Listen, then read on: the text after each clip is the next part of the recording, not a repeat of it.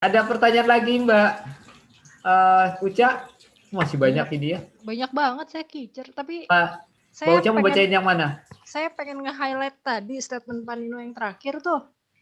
Kalau eh, ngedongengin astronomi bisa jadi wayang kulit, saya jadi nunggu siapa tahu mau ada wayang orang dengan tema astronomi gitu, Pak. Kalau Di Dirgantara geng teori gitu.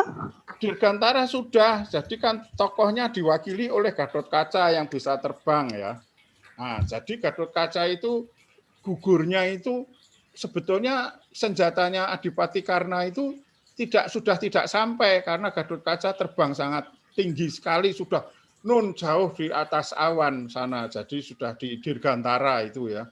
Tapi karena ada arwah kalau Bendono itu lalu dia membawakan panah konta senjata Adipati Karna itu untuk sampai ke Gatot Kaca. Jadi ya, tapi itu jagat anulah jagat pewayangan, tapi kurang lebih ada saja kaitannya.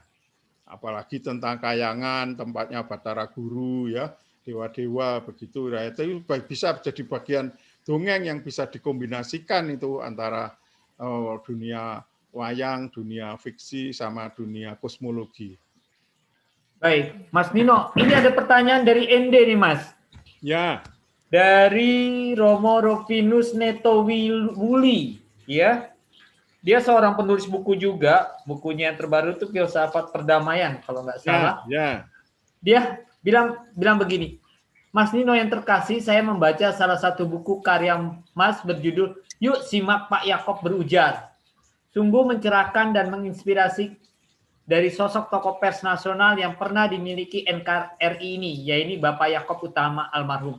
Pertanyaan saya, bagaimana Mas Nino bisa tetap merawat spirit kebangsaan seperti Bapak Yakob dalam merajut keindonesiaan yang majemuk, plural, dan multikultural ini? Salam bela negara dari saya, Rovinus Netobuli. Gimana, Mas? Bagaimana, Mas?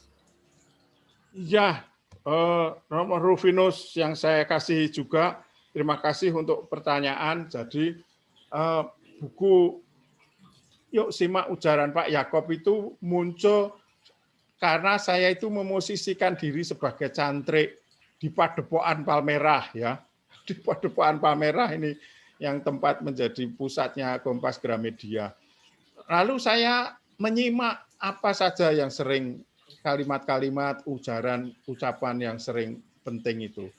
Nah, dari situ ada bisa saya sarikan ujaran yang penting untuk membina, mengembangkan, menumbuhkan pers yang baik. Nah, itu falsafah jurnalistik.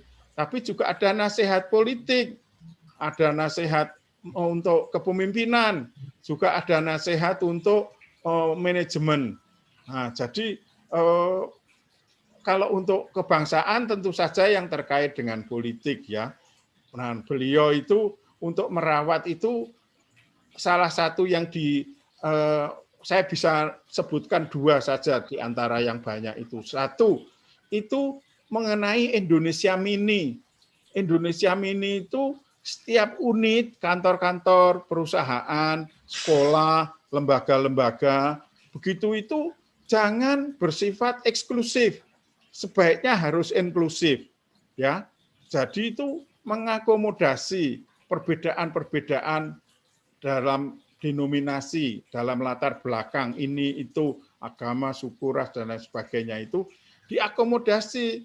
Jadi berlatih untuk bergaul dengan perbedaan, berga, ber, berlatih untuk mengembangkan toleransi ya, menenggang bahwa kita itu memang berbeda tapi jangan sampai perbedaan itu me, e, mengganggu hubungan-hubungan baik kita begitu. Nah, itu jadi Indonesia Mini itulah yang uh, saya tulis di buku uh, menyimak Pak Yakob itu. Yang kedua itu memang uh, seperti kita sekarang ini uh, hidup dalam konsentrasi konstelasi global ya bahwa persaingan antar bangsa itu begitu ketat ya bangsa-bangsa itu survive lalu mengembangkan daya survivability itu dengan berbuat kebajikan terhadap alam, mengembangkan teknologi, mengembangkan demokrasi yang eh, substansial ya, yang membuahkan hasil memperbaiki peri kehidupan rakyat.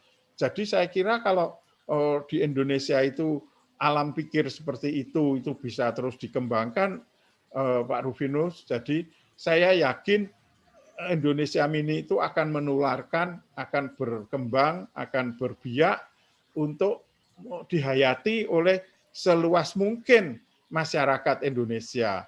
Dengan cara itu kebangsaan kita itu akan eh, menjadi lebih kuat dan menjadi lebih eh, dirasakan oleh bangsa. Nah ini katakan mau Imlek ya, semua orang terkenang pada mendiang Gus Dur karena beliau yang mengembangkan, eh, yang meresmikan tahun apa namanya sehingga apa namanya eh, agama, keyakinan, eh, budaya itu benar-benar dihayati oleh eh, semakin banyak elemen bangsa kita. Saya kira demikian, Mas Dovi. Baik, uh, sebelum Mbak Uca yang udah menemukan pertanyaan juga, Mas.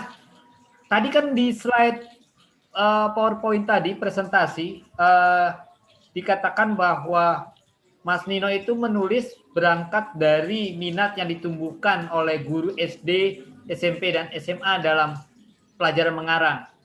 Nah, emang seperti apa sih Mas mereka mengajarkan, guru mengajarkan sehingga Mas Nino itu tertarik menjadi seorang wartawan dan seorang penulis? Begini, jadi di SD itu Pak guru eh, Pak atau Bu Guru itu karena sering ganti ya, sering ganti.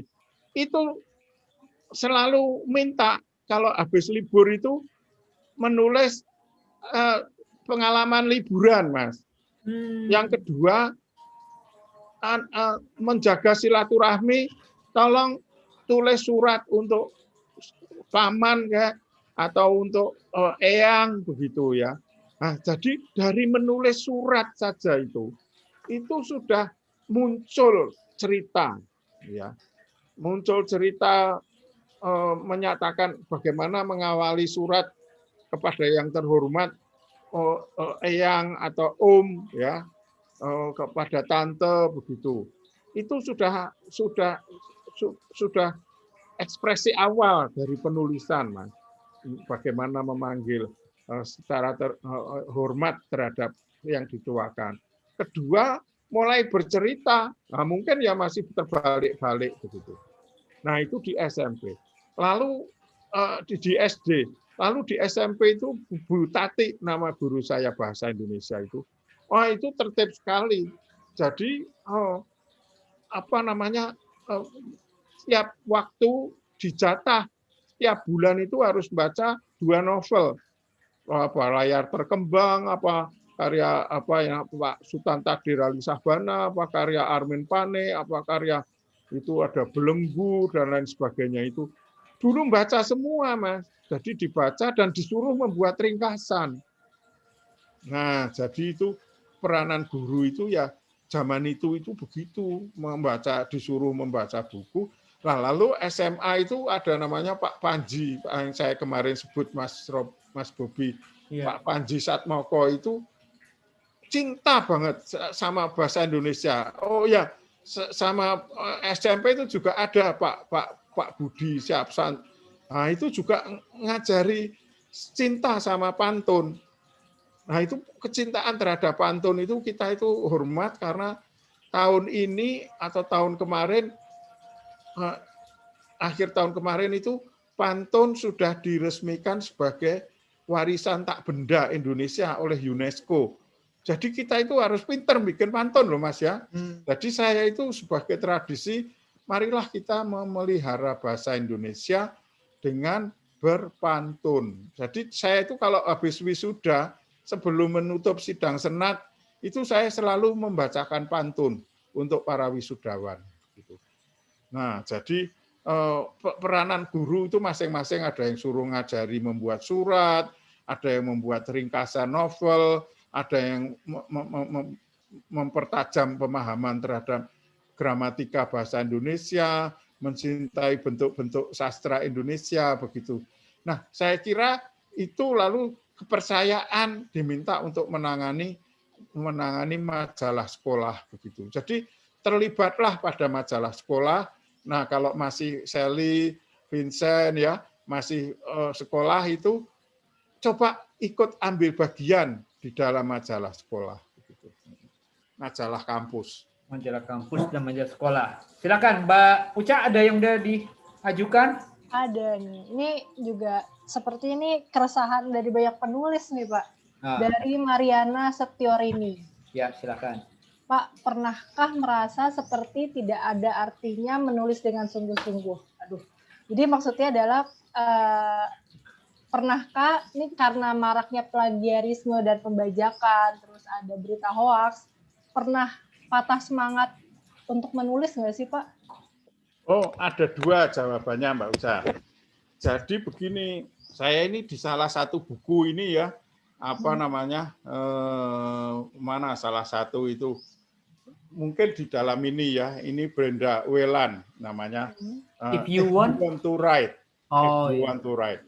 Memang disebut bahwa di tengah meludak, di tengah uh, overwhelming information ya, informasi yang melimpah ruah, setiap buku ada ribuan kata Mas Patrice kalau di PBK itu ada 100 judul atau apa begitu itu seolah-olah memang dunia itu sudah diliputi oleh kata-kata ya Mas ya.